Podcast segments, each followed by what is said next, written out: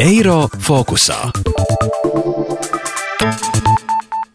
Daudzos apdrošināšanas veidos tiek norādīta polises darbības teritorija. Standarta situācijā tā ir Latvija vai visa Eiropas Savienība.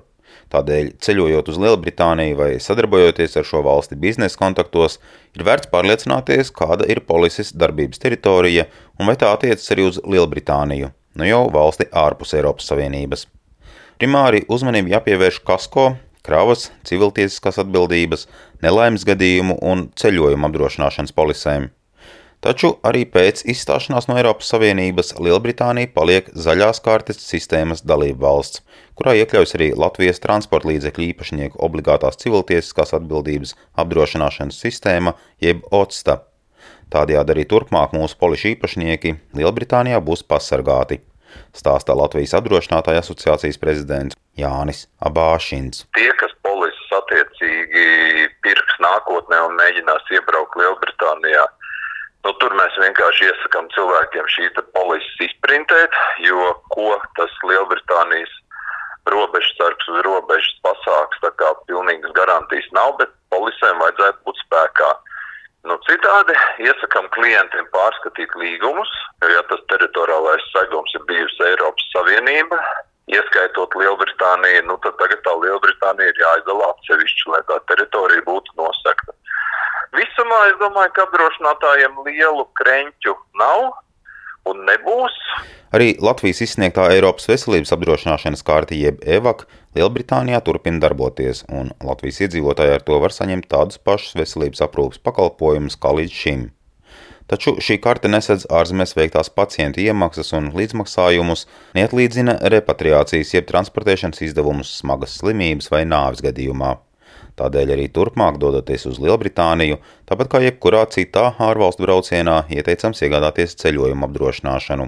Savukārt uzņēmējiem jāņem vērā, ka biznesa partneri Lielbritānijā var mainīt savus sadarbības nosacījumus, tajā skaitā profesionālās civiltiesiskās atbildības apdrošināšanas prasības. Latvijas Tirzniecības un Rūpniecības kameras valdes locekle Katrīna Zariņa teica, ka Brexits mūsu uzņēmējiem ir nesis divas negatīvas un vienu pozitīvu vēsti. Pozitīvi, ka vienojoties savstarpēji Eiropas Savienībai un Lielbritānijai, tomēr nonāca pie tāda risinājuma, ka nav papildus dažādas muitas nodevas un nav kvotas tam, cik un ko un kā drīkst ievest. Tas ir pozitīvais. Savukārt ir divas lietas, par ko Eiropas Savienībai un Lielbritānijai tomēr nav izdevies vienoties. Tā sauktā preču atzīšanas certifikācijas sistēma vairs nav vienota.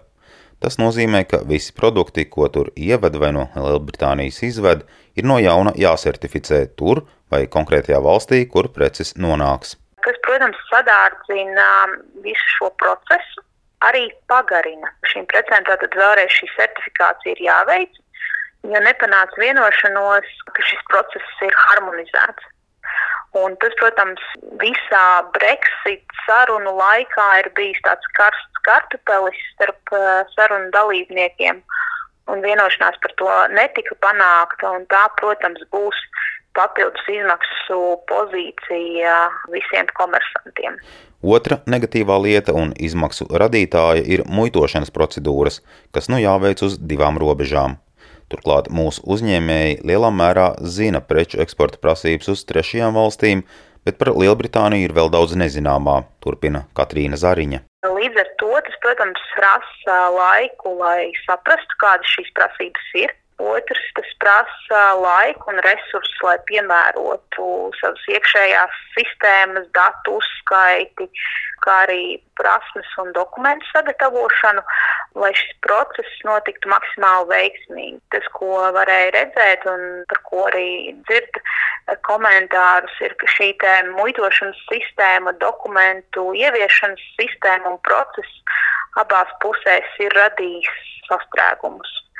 Vairākas Eiropas Savienības valstis jau runājušas un aicina abas puses vienoties, ka tomēr uz gadu tiek noteikts pārejas periods, kurā var turpināt eh, preces pārvadāt eh, bez šiem specifiskajiem muitošanas dokumentiem, tādējādi atvieglojot preču plūsmu starp Lielbritāniju un Eiropas Savienību. Pašlaik ietekmi vairāk izjūt komersanti, kam ir mazāk zināšanu par eksportu uz trešajām valstīm. Tie, kas jau iepriekš veduši preces uz tādām valstīm kā Krieviju, Ukrainu vai Baltkrieviju, jau pārzina certifikācijas un muitošanas lietas. Arī valsts ieņēmuma dienests atzīst, ka komersantu jautājumu daudzums pieaug, radot sastrēgumus dokumentu apritē un piegāžu termiņos, un tam jau ir plašāka ietekme uz loģistiku, tranzītu un ekonomiku kopumā. Edgars Kupčs, Latvijas radio. Eiro fokusā.